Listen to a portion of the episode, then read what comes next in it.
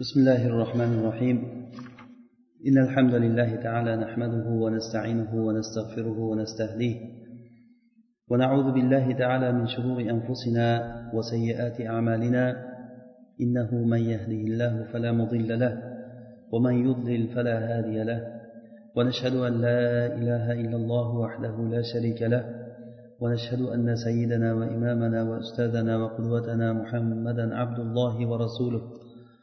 صلى الله عليه وعلى آله وصحابته ومن اهتدى بهديه إلى يوم الدين وسلم اللهم تسليما كثيرا وبعد السلام عليكم ورحمة الله وبركاته alloh subhanava taolodan madad so'rab biz qasos surasidagi ba'zi bir bizga berilingan hidoyatlar haqida tushuncha olishlikda davom etamiz alloh subhanava taolo bu qur'onni bizga nozil qildi Hidoyat uchun. Biz hayotda to'g'ri yurishligimiz uchun va shu bilan oxiratda najot topishligimiz uchun. Qur'on mana shu uchun nozil bo'ldi. Shu bilan alloh taolo payg'ambarlarni yubordi va ularga yukladi bu narsani. Ochiq oydin hech yashirmasdan odamlarga haqni bayon qilishlik. Ular payg'ambarlar alloh subhanava taolo tomonidan elchi bo'lib haqni ro'yirost hech yashirmasdan gapirishlikni o'z zimmasiga oldi. Ya'ni odamlar ichidan alloh taolo o'zi sevgan o'zi yaxshi ko'rgan kishilarni tanlab oldi. Va ulardan keyin payg'ambarlarga ergashgan payg'ambarlarni atbolari robboniy olimlar mana bularga alloh subhanava taolo haqni odamlarga bayon qilishlikni vazifa qildi. Hech qanday yashirmasdan uni bulg'ab ko'rsatmasdan odamlarga bo'yab har xil botilga haqni aralashtirmasdan to'g'ri haqni yetkazishlikni odamlarga vojib qildiki ho bandalarni ustida ollohni hujjati qoyim bo'lsin.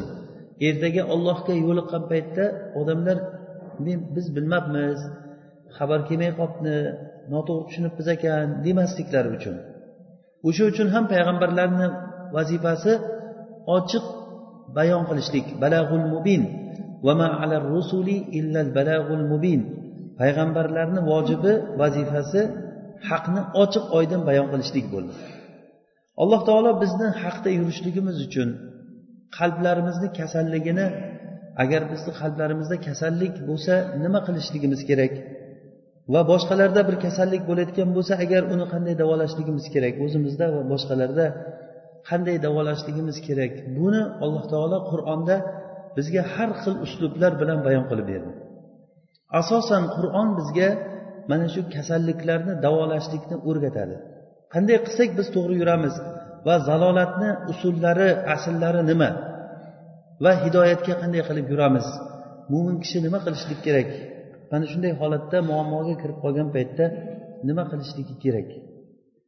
Demak odamlar hozir ko'pchilik har xil odamlarni fikrlariga ergashib bir jamoatlarni manhajlariga ergashib yo bir davlat bo'lsin yo bir partiya bo'lsin yoki bir shaxslar shaklida bo'lsin o'shalarni fikrlariga ergashib yurgan paytda mo'minlar ollohni manhajiga ergashishlikni nasib qilishligi alloh taoloni bu juda ham katta bir mo'min kishini baxti bu. Bu qur'oni karim bizga manhaj hayot yo'limizni bizga ko'rsatib beradi. Biz asosan mana shu tomoniga e'tibor beramiz. Qasos surasida biz alloh subhanava taolo bayon qilgan fir'avn va qorun bularni shaxsida alloh subhanava taolo bir fir'avn deganda zolim diktator bir podshohni misolini ko'rsatib berdi. Qiyomat kunigacha bu narsa. Bu shuning uchun ham alloh taolo u fir'avnni ismini zikr qilgan emas. Chunki u muhim emas u muayyan bir odamda bo'lgan bilan lekin alloh taolo uni sifati bilan bayon qilib berdi bizga. Va qorun o'zini ilmi bilan moli bilan kibrlangan. Manmansiragan bu narsalar menga o'z o'zidan keldi. O'zimni tijoratim bilan o'zimni aqlim bilan bu narsaga erishdim degan holatida va muso alayhissalom bir mazlum bir mo'min va da'vatchi rabboniy bir mo'min kishi sifatida tog'utni qarshisida qanday turib berdilar va u kishi mazlum bo'lgan bir xalqni fosiq bo'lgan bir necha yillar davomida fir'avnni iskanjasida mazlum bo'lib turib fosiq bo'lib qolgan bani isroilni muso alayhissalom qutqarib chiqarib ularni qanday tarbiya qildilar? Mana shular haqida so'z ketadi. Ya'ni bizga bilishligimiz kerak bo'lgan narsa shuki qur'onda sifatlar haqida gapiriladi bu bir biriga o'xshash narsalar qiyomat kunigacha. Agar qalblar bir biriga o'xshash bo'lsa xuddi gaplar bir xil bo'lib chiqadi. Qalblar bir biriga o'xshash bo'lsa qiyomat kunigacha mana shu qoida ketaveradi. Qalb o'xshadimi? Gap bir xil bo'lib chiqadi. To odam alayhissalomdan boshlab buyog'i qiyomat kunigacha. Bizga shuning uchun ham qur'onda asosiy usullarni bizga bayon qildiki nima qilishligimiz kerakligi haqida. Masalan hudaybiya sulhida rasululloh sollallohu alayhi vasallam ashoblari bilan umra qilishlik uchun chiqdilar. Bir yarim mingga yaqin bir ming to'rt yuzdan ziyodroq sahobiy rasululloh bilan birga makkaga qarab chiqdilar. U payti makka quraysh kofirlarni qo'l ostida edi. Rasululloh aytdilarki men tush ko'rdim tushimda umra qilyapmiz ekan ya'ni kabani tavof qilyapmiz ekan. Deganlaridan keyin sahobalarda hech kimda shak shubha qolmadi bo'ldi biz aniq umra qilamiz ekan. Kaba musulmonlar qalbida nihoyatda katta bir o'rinda turadigan alloh taolo bir barakasini u yerga sochgan yer. Ehromda hammalari kelgan paytda makka mushriklari o'zlarini qoidalariga xilof ravishda musulmonlarni man qildi kabaga kirishni aslida bu o'zlarini qonuni bo'yicha ham to'g'ri ish emas edi. Chunki ular otasini qotilini kabada ko'rsa ham unga indamasdi kabada otasini qotilini ko'rsa ham otamni qotilisan lekin sen kabadaliging uchun hech narsa qilolmayman. Buni hamma bilardi. Odamlar ichida bu mashhur kofirlar mushriklar shu narsani tan olgan edi. Lekin bu joyda o'zlarini qonuniga ham xilof ish qildi. Ular asabiyat bilan zolim holatda rasulullohga aytdiki sizlar kirmaysizlar dedi. Shunda rasululloh sollallohu alayhi vasallam ular bilan sulh qilishlikka kelishdilar. Sulhni haqida ko'p biz aytib berganmiz. Shunda oxiri suhayl ibn amr kelib rasululloh bilan o'n yilga urushmaslik sulhini tuzadi va shu sulhni shartnomalaridan biri shu yil musulmonlar umra qilmasdan orqaga qaytib ketadi. Umrada e, hammasi ehromda. Kabani yaqiniga yaqinlashib qolgan hudaybiya shunday haramga kirish joyda ana borib turib kabaga endi tavof qilamiz deb turgan paytlarida mana shu shartni qo'ydilar. Rasululloh sollallohu alayhi vasallam bu shartga muvofiq bo'ldilar. Mayli dedilar. Bu sahobalarga nihoyat darajada og'ir botdi. Hattoki umar ibn hattob rasulullohni oldiga borib ey rasululloh siz aytuvdingizku kabani tavof qilyapmiz ekan deganingizku degan edingiz deganda men senga shu yil tavof qilamiz deganim yo'qku deganlar vallohi men ollohni rasuliman men ollohga hech qachon osiy bo'lmayman va alloh taolo albatta menga yordam beradi dedilar. Mana shu uchta gapni aytdilar. Men ollohni rasuliman va ollohga osiy bo'lmayman. Va olloh menga albatta yordam beradi dedilar. Umar keyin ketdilardan keyin borib abu bakrni oldiga borib ey abu bakr biz haqdamizmi degan. Ha haqdamiz degan. Ular botildami? degan. Ha ular botilda bo'lmasa nima uchun haqda bo'lib turib biz botilni qo'ygan shartlariga biz rozi bo'lishligimiz kerak? Rasululloh umra qilmasdan qaytib ketyapmiz mana rasululloh bilan birga kelib deganda abu bakr aytdiki ey umar rasululloh albatta ollohni rasuli. Rasululloh ollohga osiy bo'lmaydi va olloh rasuliga albatta yordam beradi deb rasulullohni gaplarini o'zini aytdi. Bo'lmasa abu bakr rasulullohni umarga aytgan gapini eshitgan yo'q edi. So'zma so'z rasulullohni aytgan gapini aytdi. Vallohi inni rasululloh va ana la asihi vallohu nasiri. Alloh taolo menga yordam beradi. men ollohga osiy bo'lmayman degan gapni rasululloh aytganlarida abu bakr xuddi rasulullohni aytgan gapini o'zini aytdi bu salohiyatda qalblar bir biriga o'xshagan qalblar bir xil gapni aytishlik edi rasululloh sollallohu alayhi vasallam aytganlari kabi al arvahu junudun mujannada فما تعارف منها ائتلف وما تناكر منه اختلف ya'ni ruhlar ruhlar xuddiki urushga chiqib saf tortib qo'yilgan askarlarga o'xshaydi. Askarlar bir birini tanigan paytda bir birini tanib jang maydonida bir biriga yordam berib ketaveradi. Bir biriga to'g'ri kelmaganlari har xil bo'lganlari bir biri bilan urushib ketadi. Ruhlar ham xuddi shunday. Bir biriga o'xshagan ruhlar gaplari bir xil bo'ladi ishlari bir xil bo'ladi va bular salohiyatda ham fasodda ham xuddi shu qoidani o'zi. Fir'avnni qalbi fosiq bo'lib bu buzuq odam bo'ldimi? Fir'avnni o'rnida turgan zolim ham xuddi shu fir'avn qilgan ishni qiladi fir'avn gapirgan gapni gapiradi uni hiylai nayrangi olib kelgan mafkurasi botil hayoliy bir fosil aqidasi odamlarni aldab o'zini yo'liga boshqarganligi va bu yo'lda sehrgarlardan foydalanganligi. Agar sehrgarlar o'zini foydasiga yursa foydalandi o'zini foydasini gapirmagan paytda ularni ham qatl qilib turib o'ldirib yuborganligi va oxir oqibatda uni o'zi halok bo'lib ketganligi. Mana shu qoida qiyomat kunigacha bir xil ketaveradi. Bu qissalarni qur'on bizga qissa qilib beradi vaqti chog'liq qilib turib o'qib eshitib qo'yishligimiz uchun emas bu.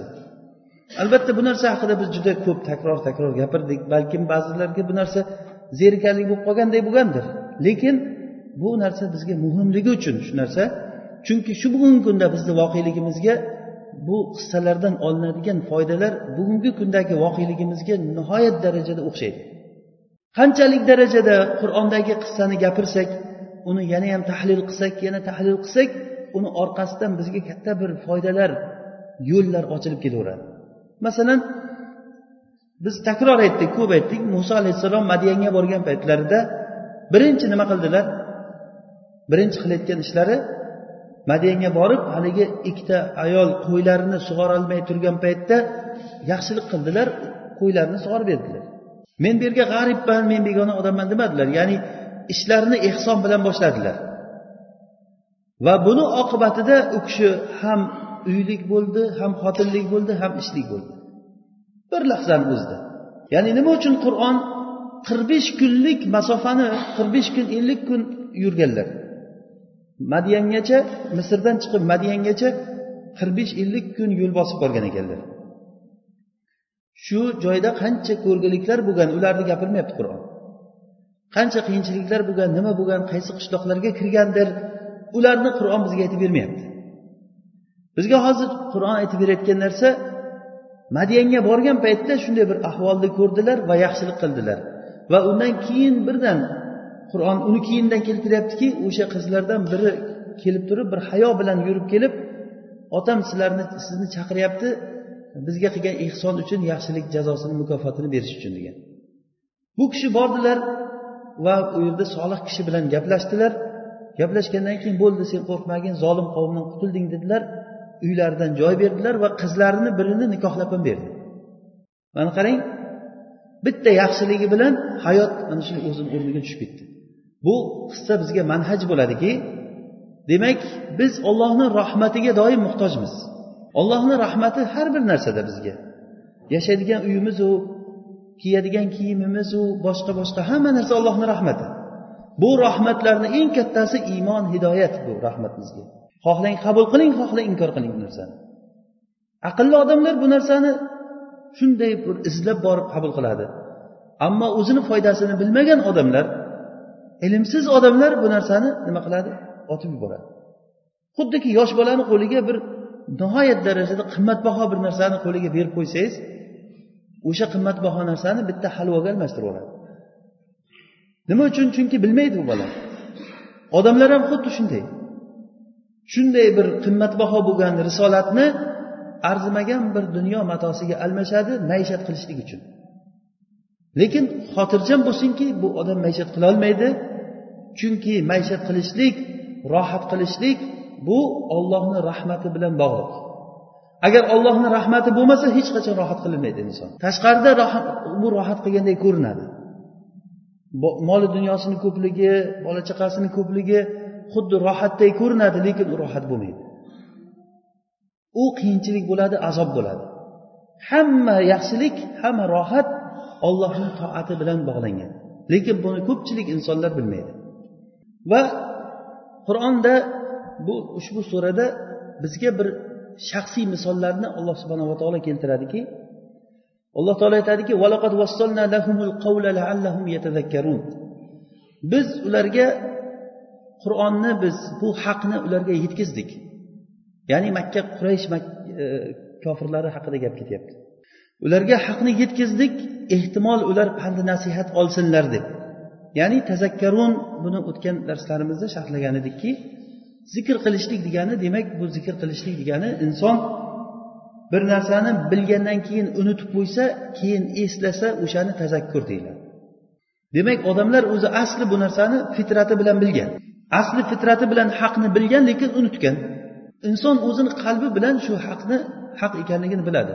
Bir masihiy kishi musulmon bo'lib g'arbdan hikoya qilib berib aytadiki musulmon bo'lishligini qissasini haligi odam haq istabdi ich ichidan bir haq nima bo'lar ekan deb atrofiga qaragan oxiri kanisaga borgan.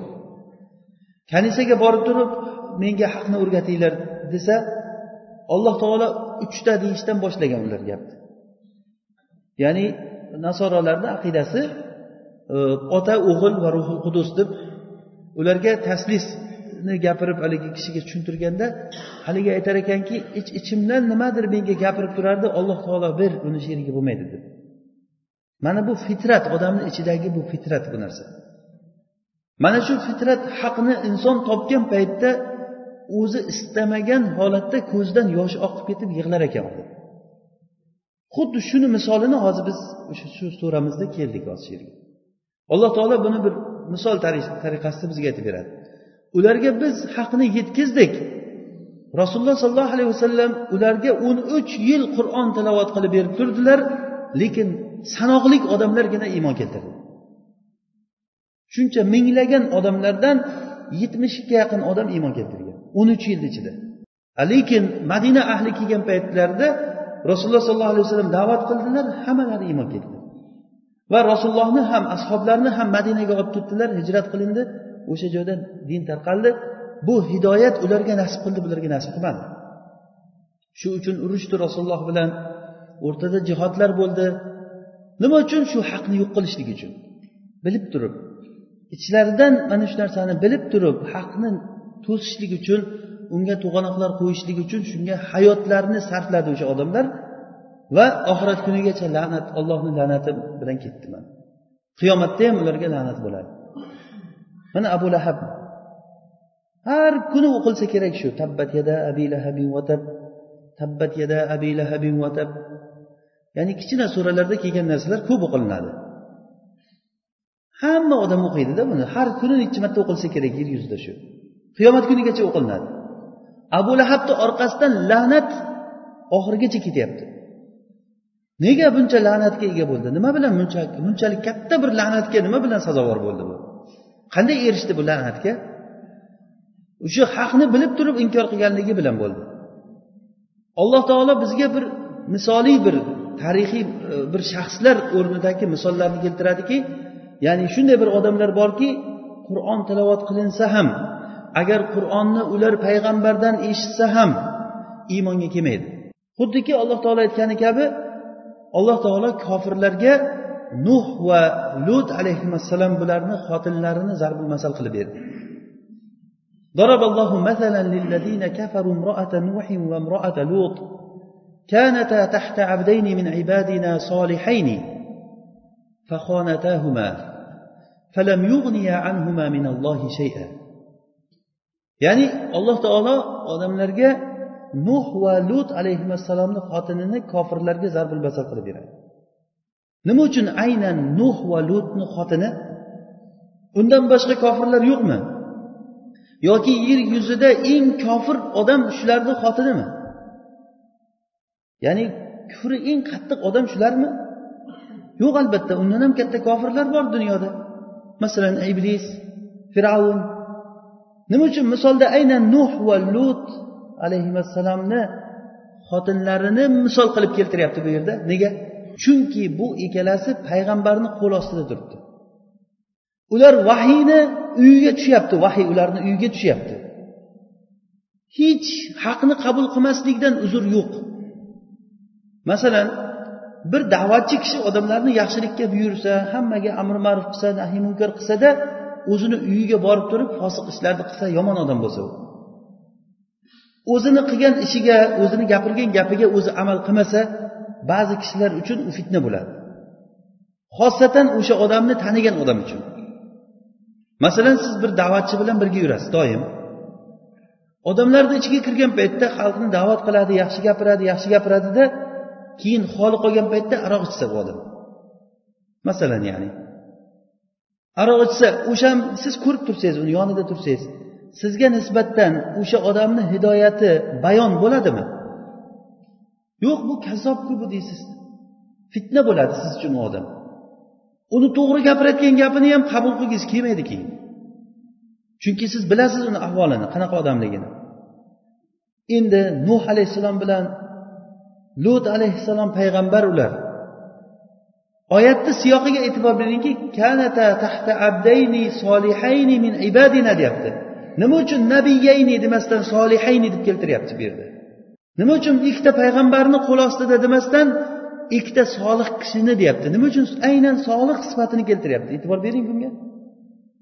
Chunki uni salohiyati haligi ikkita ayol uchun ko'rinib turgan edi bu salohiyati. Uzr yo'q edi o'ziku payg'ambar bo'lgandan keyin solih bo'lmaydimi? Albatta u salohiyat hozir bu yerda muhim shuning uchun ham salohiyatni keltiryapti.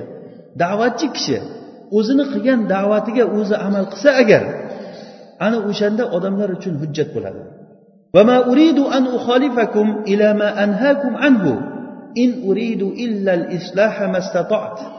Mana shuayb alayhissalomni tiliga ko'ra qur'onda aytiladiki men o'zim sizlarni buyurgan narsaga xilof qilishlikni xohlamayman. Men qo'limdan kelganicha isloh qilishlikni xohlayman deyaptilar.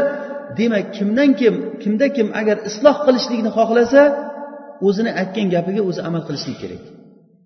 Agar aytgan gapiga o'zi amal qilmasa u odamlar uchun fitna bo'ladi odam uni ahvolini bilgan odamlar haligi da'vatchini ahvolini bilgan odamlar uchun bu hujjat bo'lmay qoladi qiyomat kuniga. Payg'ambarlar hujjat qilib yuborilingan payg'ambarniki salohiyatini eng biluvchi odam kim? Ahli ayolimi? Odamni qandayligini biluvchi odam ahli ayoli kimni bir kishini yaxshiligini yo yomonligini bilmoqchi bo'lsangiz uyidan borib ahli ayolidan so'rang. Xiyarukum xiyarukum li ahlihi. Rasululloh aytdilarki sizlarni yaxshilaring o'zini ahliga yaxshilik qilganlaring dedilar. Odam ko'chaga chiqqanda odamlar uchun kulib gapirishligi mumkin lekin ichkariga kirgan paytda keliniga qanday muomala qilyapti qaynonalar masalan? O'zini haq asl basharasi uyda o'zini ahlida bilinadi deb ko'rinadi. Bitta uyda yashagandan keyin uni yotishi turishi hamma holati kuzatilinadi. Hatto kasal bo'lganda o'zini qanday tutadi xursand bo'lganda o'zini qanday tutadi xafa bo'lganda o'zini qanday tutadi boy bo'lganda qanday bo'ladi kambag'al bo'lganda qanday bo'ladi ayoli bu narsani yaxshi biladi odamni shuning uchun ham masalan rasululloh sollallohu alayhi vasallam oysha onamizni fazilati haqida gapirgan paytlarida meni to'shagimda birorta bir ayolni to'shagida qur'on nozil bo'lmadi illo oyshani to'shagida qur'on nozil bo'lgan degan. Ya'ni rasululloh sollallohu alayhi vasallam oysha onamiz bilan bitta to'shakda o'tirgan paytlarida qur'on nozil bo'lgan. Bu oysha onamizni fazliga aytilinadigan narsa bu. Ya'ni u uyga vahiy tushib turgan uy boshqa uydan ko'ra farq qiladi u. Rasululloh shuning uchun ham aytdilarki qizlari fotimaga ya fotima binti muhammad i'mali fa inni la ug'ni anki min shay'a. Va ya sofiyata ammat muhammad sallallohu alayhi vasallam i'mali fa inni la ug'ni anki min shay'a. Ey qizim fotima amal qilgin men senga ollohni oldida hech bir foyda berolmayman deganlar. Va ey rasulullohni ammasi sofiya men rasulullohni ammasiman demang amal qiling men sizga hech qanday foyda berolmayman degan. Eng amal qilishlikka haqli odamlar rasulullohni tanigan odamlar emasmi? O'sha uchun ham aqli bor odamlar taniganlar birinchi iymon keltirgan. Hadicha onamiz rasululloh aytgan paytlarida rasulullohga taskin berib turib siz hech qachon xor bo'lmaysiz xotirjam bo'ling degan birdan nega hodicha onamiz bunchalik ishonch bilan gapirganlar? Chunki u kishi rasulullohni judayam yaxshi tanigan. Abu bakr nima uchun ikkilanmasdan iymon keltirdi? Birdan xuddi shu gaplarni kutib yurganday bo'lgan abu bakrda mana bu narsa ya'ni kishi bir odamni yaxshi bilgandan keyin o'sha yaxshi bilgan kishisiga kishi agar haqni gapirib tursa o'zini gapirgan gapiga o'zi turib bersa amal qilsa u odamlar uchun hujjat bo'ladi. Mana shuni qur'onda bizga masal qilib beradiki nuh alayhissalom bilan lut alayhissalomni xotinlari bularga iymon nasib qilmadi. Eng iymon keltirsa keltiradigan sabablar bor edi. Va buni muqobilida buni bu tarafida fir'avnni xotinini misol qildi.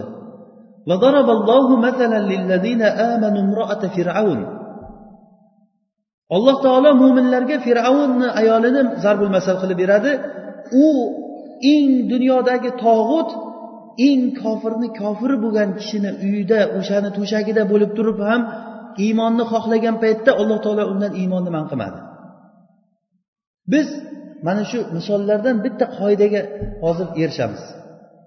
Bitta qoida xulosa qilamiz. Ya'ni u qoida shuki agarda siz agar iymonni iroda qilsangiz kufrni eng kufrini oldida bo'lsangiz ham iymon sizni qalbingizga yetib boradi. Agarda iymonni xohlamasa bir kishi agar agar iymon sabablari butun to'liq yetishgan bo'lsa ham payg'ambardan eshitib turgan bo'lsa ham payg'ambar bilan bitta to'shakda yotib payg'ambar bilan ovqat yeb ichib bir necha yil birga yashasa ham iymon nasib qilmaydi bu odamga. Qur'on mana shuning uchun zarur masal qilyapti bizga. Demak haqqa yurishlik yoki yurmaslik bu insonni o'ziga bog'liq bo'lgan narsa. Inson haqni iroda qilsa haqni xohlasa ana o'shandan keyin alloh subhanahu va taolo uni yo'llarini ochib beradi.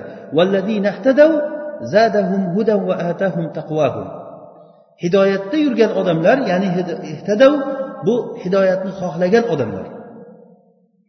Hidoyat kelgan paytda siz xohlang shuni keyin alloh subhanahu va taolo hech qachon hidoyatni istagan odamni hidoyatdan mahrum qilishlikdan alloh taolo azom va akrom va ajal bo'lgan zot. Alloh taolo ulug' zot bundan ko'ra agar hidoyatni siz istasangiz hech qachon mahrum qilmaydi. Masjiddan chiqing yo'lda chiqqaningizdan keyin yo o'ngga ketish yo chapga ketish sizni ixtiyoringizdami siz chap yo'lga qarab turib yurib olloh xohlaganida o'ngga yurardim desangiz nima degan odam bo'lasiz? Siz qaysi yo'lni ixtiyor qilyapsiz? O'ng tomonni yo'linimi chap tomon yo'linimi? Chap tomonni yo'liga yursangiz agar agar bu zalolat yo'li deydigan bo'lsak siz o'zingizga hamma yomonlik ishini ochib qo'ygan bo'lasiz. Va bu yomonlikka inson o'zidan boshqani malomat qilmasin. Hamma yomonlikni sababi o'zi bo'ladi inson. Demak qur'onda mana shu shaxslar haqida bizga bayon qilib beradi.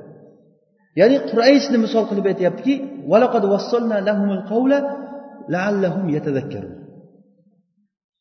الذين آتيناهم الكتاب من قبله هم به مسلمون undan oldin ya'ni qur'ondan oldin biz ularga kitob bergan ahli kitoblar bo'lsa ular rasulullohga kelib turib islomga kelgan ya'ni buni sababi nuzuli bu oyatni najron nasorolari yoki bo'lmasa buni ibn kasir rahimaulloh tafsirida keltirgan shu oyatda yoki najoshiy rahimaullohda najoshiy tomonidan kelgan bir yetmishtacha qissislar qissis degani nasorolarni olim kishilari yoki najron nasorolari bo'lsin yoki najoshiy tarafidan kelgan bo'lsin muhim yetmishga yaqin e, ahli kitob bo'lgan ahli ilm kishilar rasululloh makkada paytlarida rasulullohni oldilariga kelgan. shunda rasululloh bilan uchrashgan paytda rasululloh ularga yasin surasini o'qib berdilar yasin val qur'anil hakim innaka laminal mursalin ala sirotin mustaqim oyat surani oxirigacha o'qib berdilar shu sura o'qilgan paytda ularni ko'zlaridan yosh shash qator oqib ketdi وإذا سمعوا ما إلى ما أنزل إلى الرسول ترى أعينهم تفيض من الدمع مما عرفوا من الحق yaquluna robbana amanna bihi ular haqni eshitgan paytda rasulullohga nozil qilingan qur'onni eshitgan paytlarida ko'zlaridan yosh oqib ketib hammalari aytdiki biz bunga iymon keltirdik. Inna kunna min qablu muslimin. Biz bundan oldin musulmon edik o'zi. Haqni bildik biz deb turib mana bunaqangi odamlar bo'ldi. O'n uch yil davomida rasululloh yonida turib qur'on o'qib berib mo'jizalar ko'rsatib oyni bo'lib berdi desa oyni ikkiga bo'lib berdilar. U qil desa bu qildilar qur'on tushyapti ularni tilida gapirib turibdi. U kishini aminligini u kishini sodiq kishi ekanligini bilib turib iymonga kelmayaptida qay bir joydan kelgan odamlar bir marta qur'onni eshitgan paytda ko'zlaridan yosh oqib ketyapti. Nima uchun ko'zlaridan yosh oqyapti? Mimma arafu minal haq haqni bilganliklari sababidan. Inson haqni bilgan paytda ko'zidan yosh oqsa haqiqiy ko'z yoshi ana shu bunday oqilinadi bo'lmasa hamma oqilingan ko'z yosh ham u ya'ni ulug'lanadigan ko'z yoshi bo'lmaydi u. Rasululloh sollallohu alayhi vasallam yetti kishini aytgan paytlarida yetti toifa odam bor alloh taolo qiyomat kunida o'zini soyasida soyalantiradi. Uni soyasidan boshqa soya yo'q kunda. Shulardan bir kishini aytdilarki rajulun zakaralloha xoliyan. Bir kishiki alloh taoloni xoli holatda zikr qilgan fafodat aynahu. Ko'zlari ollohni zikr qilib ko'zlaridan yosh oqib ketgan. Odam namozda turib yig'lashligi mumkin. Misrda bir amir ibn os degan masjid bor. Nihoyatda katta masjidlardan sahobiy amir ibn osni nomlariga qilingan masjid. Nihoyatda katta masjid. Bir aytishlaricha bir million odam ketadi deydi. Allohu alam. Shunda yigirma yettinchida o'sha joyga odamlar yig'ilib turib e, laylatul qadr kechasi deb namoz o'qishadi. Endi u yerda bo'layotgan yig'ini ko'rsangiz qiziq joyiga borgan paytda haligi yaxshi qorini olib kelishadi haligi qori o'qigan paytda odamlar yig'lashni boshlaganda rosa yig'i avjiga kelgan paytda qori sal to'xtab turadi keyin siyutlarni o'chiradi masjid ahli. Qorong'i bo'lgandan keyin odamlar rosa ovozlar bilan yig'lashadi. Ya'ni bu yig'iga o'sha jamoatni ichida o'tirib qolgan paytda haligi yig'layolmagan odam o'ziga o'zi men shuncha odam yig'layapti men yig'lamayapman degan narsa xayolingizga kelishi mumkin. Lekin bu yig'i yig'i emas bu narsa. Otasini eslab o'lib ketgan otasini eslab yig'layotgandir farzandini eslab yig'layotgandir. Ya'ni yig'laveradi yig'layotgan odam. Lekin haqni bilib yig'lash u boshqa narsa. Beixtiyor ko'ziga yosh keladi. Mana bu najron nasorolari rasulullohni oldilariga kelgan paytda yig'lab haqni bilganlari uchun yig'ladilar. Masalan najoshiyni oldida jafar ibn abi tolib maryam surasini o'qib bergan paytlarida maryam surasini eshitib turib najoshiyni ko'ziga yosh keldi. O'sha najoshiyni oldida turgan ahli ilmlari yig'lab soqollari ho'l bo'lib ketdi.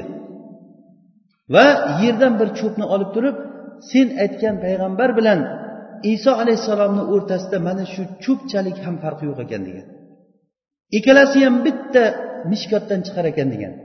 Ya'ni mishkot degani devorda qilinadigan bir e, chiroq qo'yiladigan bir tokcha. Xuddiki nur chiqadigan joy. U ikkalasi ham nur bitta joydan chiqar ekan. Isoni nuri ham bir joydan chiqar ekan. Rasulullohni nuri ham bir joydan chiqar ekan deb aytgan. O'shanda najoshiyni ko'zlari yosh oqib yig'lab yuborgan. Oldida o'tirgan ahli ilmlar hammasi yig'lagan.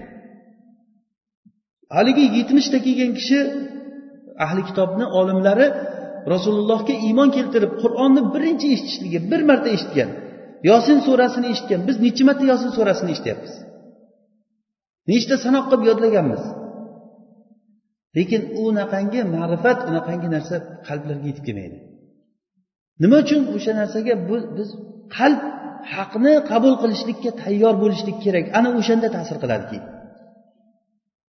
keyin oldindan haqni bilib kelib turib keyin haqni ko'rgan paytda qabul qilishlik ta'siri nihoyat darajada katta bo'ladi. Chunki ular o'zlari aytib o'tiribdiki inna kunna min qablihi muslimin deb biz bundan oldin ham o'zi musulmonlar edik deb aytyapti. Ya'ni oldin ham ular o'zi islomga kirgan bo'lgan islom degani o'zlarini payg'ambarlariga ishongan bo'lgan. Rasululloh sollallohu alayhi vasallam aytdilarki uch toifa kishi bor ularni ajri ikki barobar beriladi. O'shalardan biri bir kishi o'zini ahli kitoblardan bo'lgan bir kishi o'zini payg'ambariga ham iymon keltirgan va menga ham iymon keltirgan dedilar rasululloh sallallohu alayhi vasallam. Mana bu odamga ajr ikki barobar beriladi. Va bir kishi borki bu odam o'zi qul kishi o'zini sayyidini haqqini ham ado qilgan va ollohni haqqini ham vaqtida bajargan kishi. Mana buni ham ajri ikki barobar ajr beriladi. Va uchinchisi bir kishini qo'l ostida bir cho'ri bor joriya cho'risi bor. U joriyani yaxshi odob bergan yaxshi ta'lim bergan va uni ozod qilgan va o'zi shunga uylangan. Mana bu odamga ham ajr ikki barobar beriladi. Dedilar ya'ni kishi haqni bilgan paytda o'sha bilgan narsasini haqni ko'rgandagi ta'siri nihoyat darajada ta'sirli bo'ladi. Masalan salmon al forsiy roziyallohu anhu bu kishini islomga kelishlik tarixi judayam ajib bo'lgan. Boshida bu kishi hammamiz bilamiz u kishini tarixini. Qisqa aytsak u kishi bir e, otashparast bo'lgan otasi bir qishloq dehqoni bo'lgan. Dehqon degani bir qishloq mahallani kattasi degani. Va hattoki dindorligi shu darajada bo'lganki olovni yoquvchisi bo'lgan bu kishilar. Majusiylikni da'vatchilardan kattalardan bo'lgan. Bir kuni bir kanisani oldidan o'tib kanisada bir rohibni namoz o'qiyotganligini ibodat qilayotganligini ko'rib ajablanib vallohi buni dini bizni dinimizdan ko'ra avvalroq haq ekan deb kelib turib haligi payg'ambardan ta'sirlangan. Keyin otasiga kelib aytganda otasi aytgan yo'q sen bekor aytibsan aynibsan deb hattoki qamab qo'ygan. Oyoqlariga kishan solib qamab qo'ygan. Keyin bir ilojini qilib uydan qochib chiqib haligi rohibga borib iymon keltirgan va shu bilan e, haq istab u kishi chiqib ketgan. Bir rohibdan ikkinchi rohibga ikkinchi rohibdan uchinchi rohibga o'lguncha xizmatini qilib rohiblar o'lishida endi meni kimga siz vasiyat qilasiz desa mendan keyin falon joyda falonchi bor o'shani oldiga borgin degan keyin u uni oldiga borgan unisi dunyodan o'tishlikda oxirgisiga kelgan paytda mana men haq istab sizni oldingizga keldim mana shuncha xizmatingizni qildim. Kimga boray endi siz mani dunyodan o'tyapsiz deganda oxirgi rohib aytgan ekanki endi yer yuzida haqni men bilmayman to'g'ri odam qolmadi degan.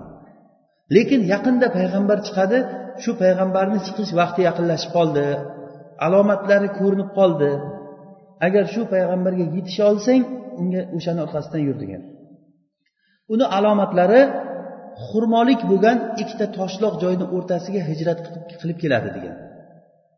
Va ikkinchisi hadyani yeydi oladi sadaqani qabul qilmaydi sadaqani yemaydi degan. Ya'ni sadaqani yemaydi qabul qilmaydi emas sadaqani yemaydi hadyani yeydi va ikki yelkasini o'rtasida xotimun nubuva bir belgisi bor alomati bor degan. Hech bir shubhalanmaydigan ochiq oydin alomat bu kishi keyin shu holatni kuzib kuzatib kuzatib keyin bilganki madina xurmolik joy qayer madina. Shunda bir karvon o'tib qolgan paytda u kishi ishlab bir mol qo'ylar orttirgan ekan o'zidan. Haligi odamlarga karvon ahliga aytganki men shu mol qo'ylarimni sizlarga bersam meni madinaga olib ketasizlarmi? degan. Bo'pti olib ketamiz degan. Haligi haqni istab shu narsadan kechgan. O'ziku uyidan qochib chiqqan o'zi. Ota otasi otasi nihoyat darajada qishloqni kattasi hurmatli boy odam bo'lgan. Lekin o'shanday maishat hayotini tashlab haq istab bir rohibni xizmatini qildi keyin boshqa rohibni xizmatini qildi yoshlik yigitlik davrida mana shunday zahmat bilan xizmat bilan o'tkazdi. Olloh bunday kishini haqdan mahrum qilishlikdan ulug'roq zot. Mana shu kishini tarixini o'qing. Haqni istab istab istab topib kelgan oxiri. Haligi karvon aytdiki mayli olib ketamiz biz bilan deb turib lekin olib ketib unga xiyonat qilgan ular. Xiyonat qilganligi bu kishini mollarini qo'ylarini olib o'zini olib kelib madinadagi bir yahudiyga sotib yuborgan. Qul qilib. Mayli qul bo'lsa ham u kishi qul bo'lib ishlab yuravergan toki payg'ambar shu yerga kelayotgan bo'lsa shunga iymon keltirayin deb qullikka rozi bo'lib o'sha joyda yuravergan. O'zlari rivoyat qilib beradilar bir kuni men yahudiyni xurmosini ustida xurmoni hosilini yig'ishtirib turgan paytimda haligi yahudiyni ukasi yoki jiyani kelib turib bu bani qaylani ya'ni bani qayla deb turib nimani aytadi? E, madina ahlini arablarini. Avs va hasraj shular bani qaylani qurib ketsin bular qubo degan joyda bir makkadan payg'ambarman degan bittasi kelibdi ekan hammasi shuni atrofiga yig'ilib o'tiribdi degan. Shuni eshitgandan keyin oyoqlarimda kuch qolmasdan xurmoni ustidan yiqilib ketishligimga sal qoldi eshitganimdan degan. Qanday xurmoni ustidan tushganimni bilmayman. Yugurib tushdimu borib turib haligi jiyaniga qarab turib nima deding yana bir qaytar nima deding deganda haligi xo'jayinisi juda qattiq bir tarsaki tushirib urgan ekanda seni nima ishing bor bu bilan? Bor ishingni qilgin. Deb urgan paytda yo'q men bilib olmoqchi edim buni nima deganligini deb haligi gapni eshitgandan keyin ishlarini qilib bo'lgandan keyin keyin ancha muncha narsa o'ziga orttirib qo'ygan xurmolari bor ekan. Shu xurmalardan ba'zisini olib turib to'g'ri rasulullohni oldiga borgan. Rasulullohni oldiga borganlarida rasululloh ashoblari bilan o'tirganlar keyin rasululloh bilan ko'rishib e, keyin sizga men mana musofir odam ekansiz yoningizdagi kishilar ham qiynalgan odamlar ekan mana bu meni hadyam sizga hadya olib keldim deganda rasululloh sollallohu alayhi vasallam haligi hadyani oldilaridan keyin atrofdagilarga ham berib yeyglar deb o'zlari ham yedilar. Aytdiki bu birinchisi degan alomatini. Ikkinchisi keyin ertasi kuni yana hadya olib kelib turib xurmoni mana bu meni sadaqam bu. Shuni sizga va ashoblaringizga beray deb turib berganda rasululloh ashoblarga berdilarda yeyglar dedilarda o'zlari yemadilar aytdiki bu uchinchisi degan. Ikkinchisi degan. Uchinchisida keyin rasululloh sollallohu alayhi vasallam bir kun janozaga jannatul baqiga baqiy ul g'arqat degan joyga janozaga chiqqan paytlarida rasulullohni orqalaridan yurgan shu orqasidagi rasulullohni orqalaridagi haligi xotimi nubuva alomatini ko'rish u kishini maqsadi shu. Keyin rasululloh o'tirganlarida orqasidan aylanib orqasidan o'taverganligini rasululloh payqab qolib turib uni nima istaganligini rasululloh bildilardan keyin ustidagi yopinchig'ini tushirdilar orqasidan.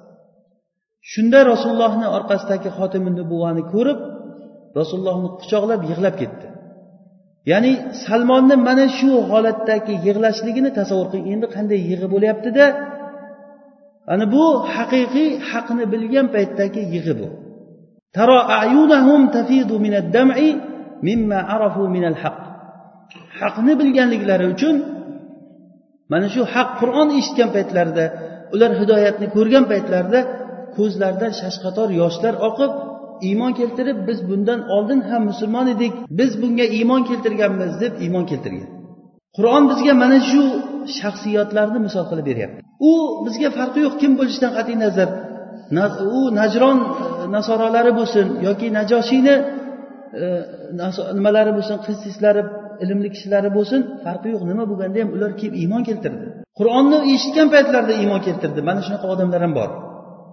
Va rasululloh ularga o'n uch yil qur'on tilovat qilgan odamlar iymon keltirmadi ya'ni bu bilan yana bitta qoida bizga chiqadiki agarda agar insonni qalbida haqga ergashishlikka niyat bo'lsa birinchi eshitishlikda o'zi birdan iymon keltiradi ergashib ketadi. Agar qalbingizda haqga ergashishlik bo'lmasa bahonalar qiladi. Hali u deydi hali bu deydi iymon keltirmaydi. Hattoki qalbi borgan sari olloh asrasin odamni qalbi qotib qotib qotib qotib ketaverar ekan. O'shalar iymon keltirgan paytda abu jahl kulib aytgan ekanki men sizlardan ko'ra ahmoq bir elchilarni ko'rmaganman degan. Sizlarni qavmlaring bu odamni xabarini bilib kelinglar deb yuborsa sizlar aynib ketyapsizlar degan. Shunda ular aytishdiki salamun alaykum la nabtag'il jahilin sizlarga salomat bo'lsin ya'ni sizlar ishlaringni qilaveringlar biz jaholatni biz hech qanday johillarni istamaymiz degan. Agarda ular lag'uvni eshitsalar bu sababi nuzuli abu jahlni mana shu aytgan gapi. Lag'uvni eshitgan paytlarida samiu anhu ya'ni hu domir lag'uvga qaytadi. Lag'uvni o'zidan yuz o'girishadi. Va aytishadiki biz bundan oldin musulmon bo'lganmiz. biz o'zimizga yaxshilikni hech qachon qizg'onmaymiz degan bular ya'ni haqni bildimi haqni ko'rdimi bu narsaga albatta ergashamiz degan ammo abu lahabga o'xshagan abu jahliga o'xshagan odamlarchi bular yillar davomida haqni eshitdi takror takror takror eshitdi lekin islomga kelmadi bular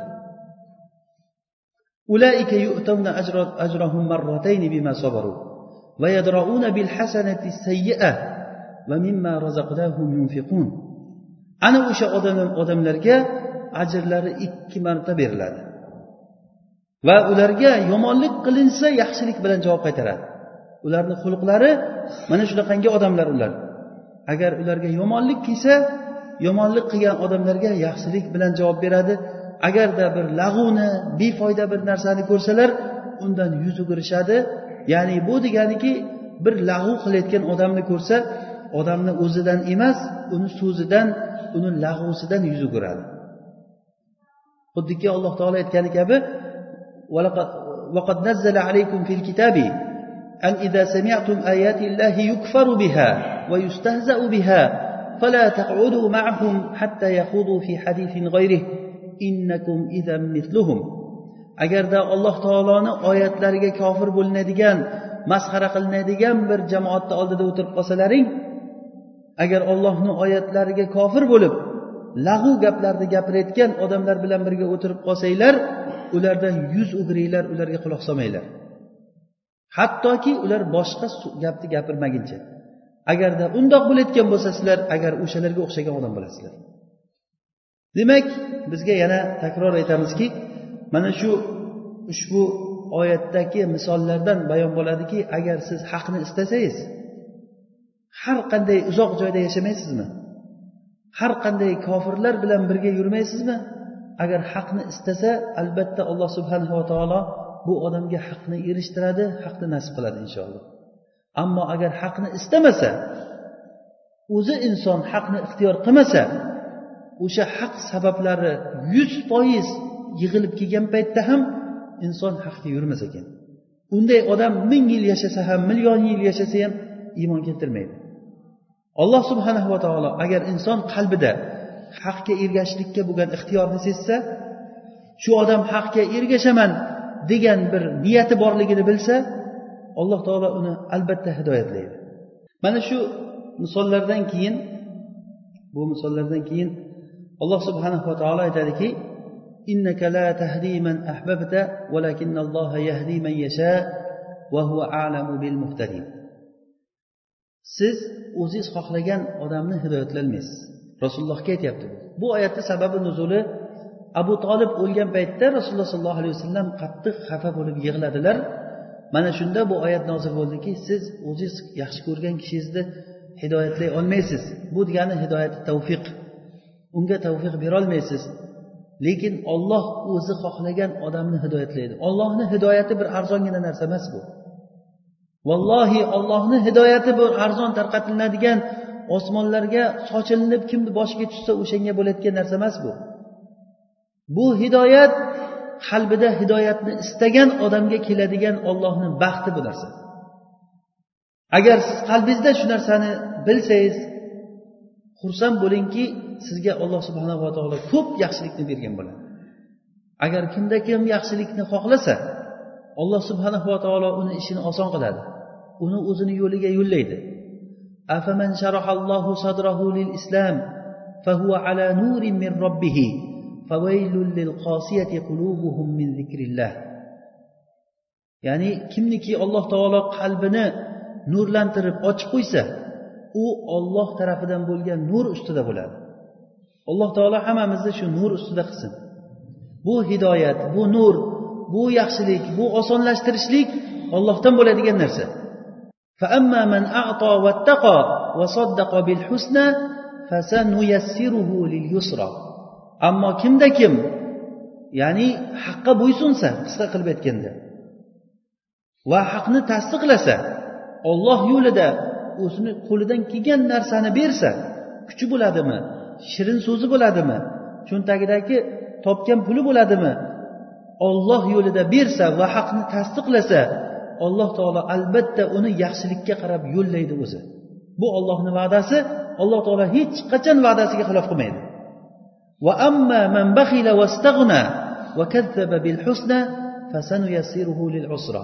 Ammo agarda kim haqni yolg'onga chiqarsa istamasa haqga yurishlikka baxillik qilsa baxillik qilsa kimga baxillik qiladi?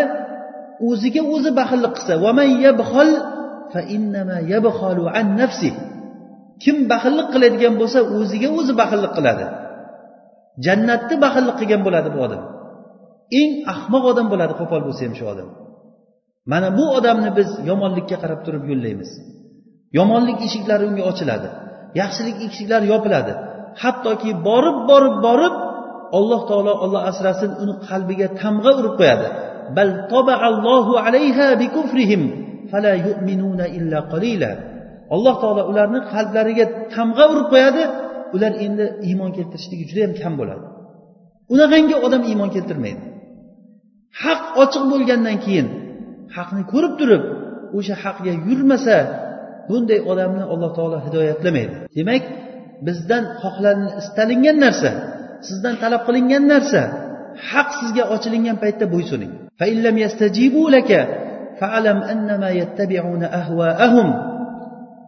agar sizga javob bermadimi ey rasululloh? Bilingki ular o'zlarini havoyi nafsiga ergashyapti. Odamlar yo hidoyatga ergashadi yo havosiga ergashadi. Bu havoyi nafs ibn abbos roziyallohu anhu aytadilar havoyi nafs ollohdan o'zga ibodat qilinadigan iloh degan. Keyin alloh taoloni oyatini tilovat qildilar o'zini ilohini havoyi nafsi qilib ushlab olgan ya'ni havoyi nafsi uni ilohiga aylanib qolgan kishini ko'rganmisiz degan. Havoyi nafsi o'tir desa o'tiradi tur desa turadi. Qachoniki haq uni havoyi nafsiga to'g'ri kelib qolsa parallel kelib qolgan joyda yuradi haq bilan birga. Haqda yurganligini ko'rsangiz ajablanmang bu odam haqda yuribdi deb. Chunki havoyi nafsiga to'g'ri kelganligi uchun yuribdi. Agar haq uni havoyi nafsiga to'g'ri kelmasa o'zini bilgan yo'lda yurib ketaveradi bu odam. O'tir degan joyda o'tiradi tur degan joyda turadi. Mana shu o'zi ibodat degani ibodat bu havoyi nafsga o'sha itoat qilishlik degani keyin alloh subhanahu va taolo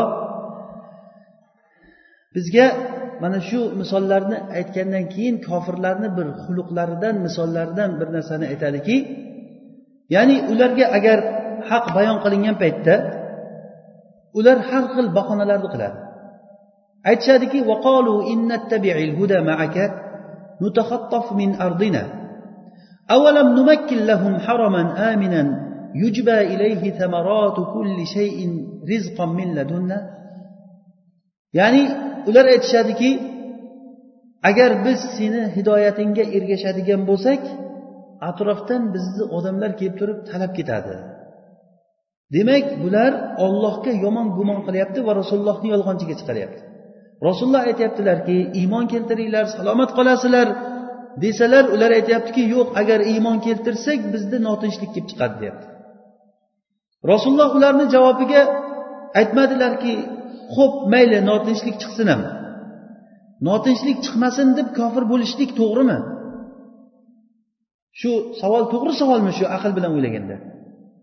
Notinchlik chiqmasin deb turib iymon keltirmaslik qachon biz mushrik bo'lsak kofir bo'lsak tinch yuramiz. Agar kofir bo'lmasak tinch agar kofir bo'lmay mo'min bo'ladigan bo'lsak tinchimiz yo'qoladi degan tushuncha to'g'ri tushunchami shu? Aql egalari aytinglarchi shuni. Rasululloh bunday demadilar chunki bu o'zi aniq narsa edi. Yoki ularga aytmadilarki mayli faraz qilingki sizlar iymon keltirgandan keyin sizlarga har xil musibatlar kelsin atrofdan qabilalar kelib turib sizlarni talab ketsin mayli.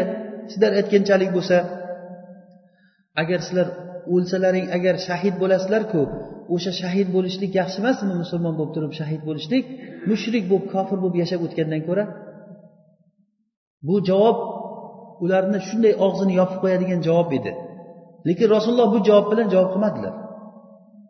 Yoki bo'lmasa aytish mumkin ediki agar sizlar o'ylaganday mayli haqga yuradigan bo'lsanglar sizlarni atrofdan kelib turib kofirlar talab ketsin sizlarni. O'shanday bo'layotgan bo'lsa qancha zarar ko'rasizlar? Qancha zarar ko'rasizlar? Iymon keltirsalaring qancha foyda ko'rasizlar? Foyda zararni o'lchab ko'rganda aqlli odam qaysisini ixtiyor qilishlik kerak? Iymonni ixtiyor qilishlik kerakmi? Buni orqasidan hech bitmaydigan tugamaydigan jannatni ixtiyor qilishlik kerakmi? Yoki ozroq bir sanoqli kunlar tinch yurayin deb turib kufrni ixtiyor qilishlik kerakmi? Mana bu javobni berilganda ham ular jim hech qanday javob berolmasdi rasululloh sollallohu alayhi vasallam lekin qur'onda bularga undan ham ko'ra ochiqroq bir javob bilan javob qildiki ularga biz haramni qilib bermadikmi? Ular tinch omon yuribdi atrofida qabilalarni ko'rmaydimi? Bir birini talab odamlar birovini xotinini olib ketgan qizini olib ketgan talantaroj bo'lib yurgan paytda bularni kabani hurmatidan hech kim bularga tegishmayapti. Shuni bular o'ylab ko'rmaydimi shuni nahotki ular mushrik bo'la turib kabani hurmati bilan mushrik bo'la turib kabani hurmati bilan ular hech kim teginmayaptiyu ertaga mo'min bo'lsa kelib turib odamlar talab ketadimi shular?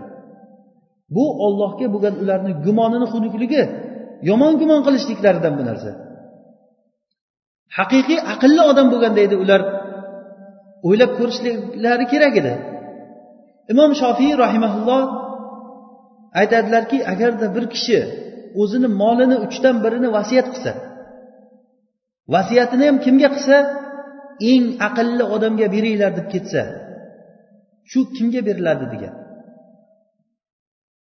Qani javob beramiz. Agar bir odam o'zini molini uchdan birini vasiyat qildi masalan bir odamdan uch million pul qoldi kattaroq sonda aytaylik. O'sha uch milliondan bir millionini aytdiki eng aqlli odamga berilinsin dedi. O'sha kimga beriladi deganda imom shofiy rahimaulloh ollohga toat qilgan odamga beriladi o'sha degan. Chunki ollohga toat qilgan odam eng aqlli odam hisoblanadi.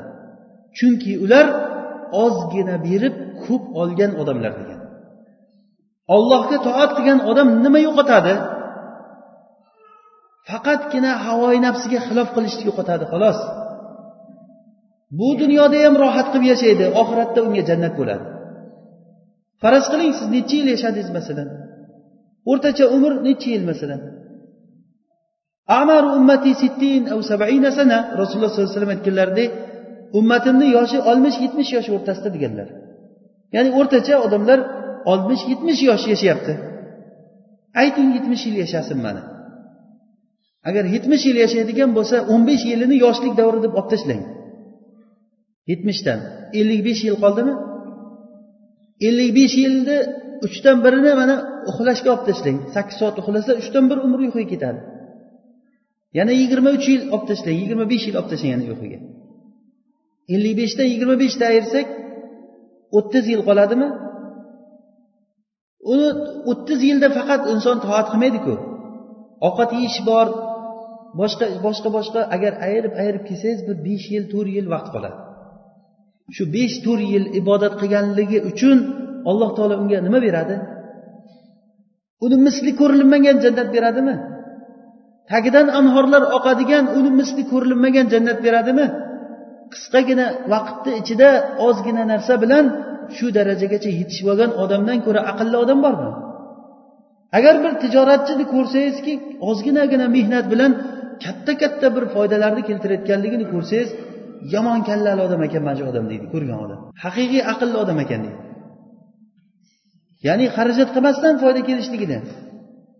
Bir yahudiyni bir e, qanday millioner bo'laman degan bir kitobini o'qigandim men ilgari yoshlik vaqtimda. O'shanda qanday millioner bo'laman deganda o'sha odam bir gapi bor. Yahudiy bo'lsa ham ya'ni ba'zan to'g'ri gaplar gapiriladi. Xosatan pul sohasida shu eng foyda qiluvchi odam deb men ko'chada gazeta sotuvchini aytaman degan. Bir tiyin pul xarajat qilmaydi.